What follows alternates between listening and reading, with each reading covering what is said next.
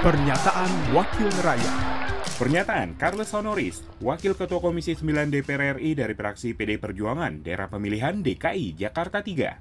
Dalam rapat kerja dengan Menteri Kesehatan RI dan rapat dengar pendapat dengan Kepala Badan Pengawas Obat dan Makanan atau BPOM, Kepala Satuan Tugas Penanganan COVID-19, serta Direktur Utama PT Bio Farma. Target kita adalah memastikan bahwa fasilitas pelayanan kesehatan kita tidak lumpuh ya seperti yang kita lihat beberapa bulan lalu saya harus katakan hampir lumpuh di beberapa wilayah. Jadi vaksinasi memastikan itu. Ya. Um, pertanyaan saya satu, Pak.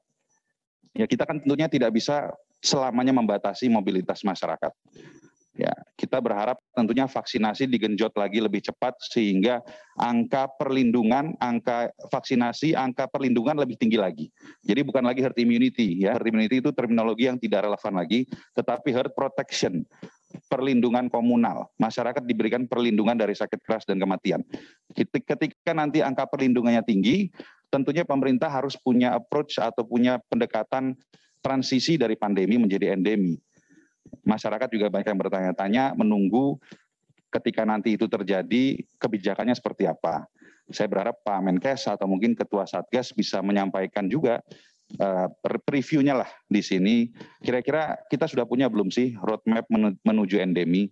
Dan kalau iya, seperti apa nanti gitu?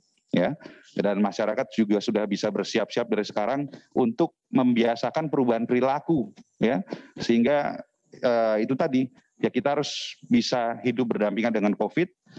Um, ya, oleh karena itu sekali lagi Pak Menkes saya berharap vaksinasi dipercepat termasuk untuk anak-anak ya.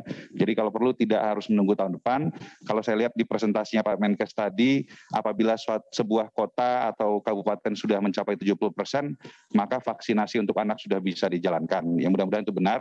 Kalau itu benar berarti seperti Jakarta ini sudah bisa dijalankan gitu kan. Ingin menambahkan yang disampaikan Pak Melki tadi, dukungan kita ya pemerintah atau negara harus berpihak Pak. Berpihak pada ketahanan industri kesehatan dalam negeri. Apabila kita sudah punya obat-obatan, vaksin ya yang sudah dibuat diproduksi di dalam negeri, asalkan sudah mendapatkan emergency use authorization, maka kita harus mendukung dan apa mengutamakan penggunaan eh, apa obat-obatan dan vaksin tersebut ya. Pernyataan Carlos Honoris, Wakil Ketua Komisi 9 DPR RI dari fraksi PD Perjuangan, daerah pemilihan DKI Jakarta 3. Produksi TV dan Radio Parlemen Biro Pemberitaan Parlemen Sekjen DPR RI. Pernyataan Wakil Rakyat.